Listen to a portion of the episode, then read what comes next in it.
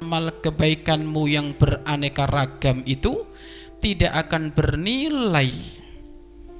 Hanya sebatas dohir tok bergambar saja tidak akan bernilai kecuali harus ada intisari dari amal. Apa itu?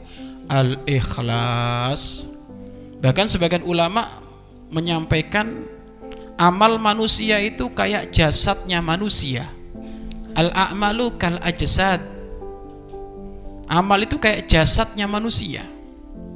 Se seorang manusia memiliki jasad yang bagus mata genep dua hidung satu telinganya dua, raut paras wajahnya memukau, tinggi badannya standar, kemudian berat badannya pun standar, pokoknya bagus lah.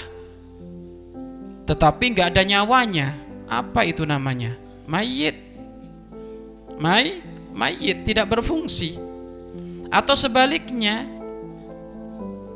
ada nyawanya namun matanya buta. Ada nyawanya kakinya lumpuh. Ada nyawanya tangannya gak berfungsi. Ada nyawanya telinganya gak berfungsi. Maka dia orang cacat. Kemanfaatannya adalah berku, berkurang.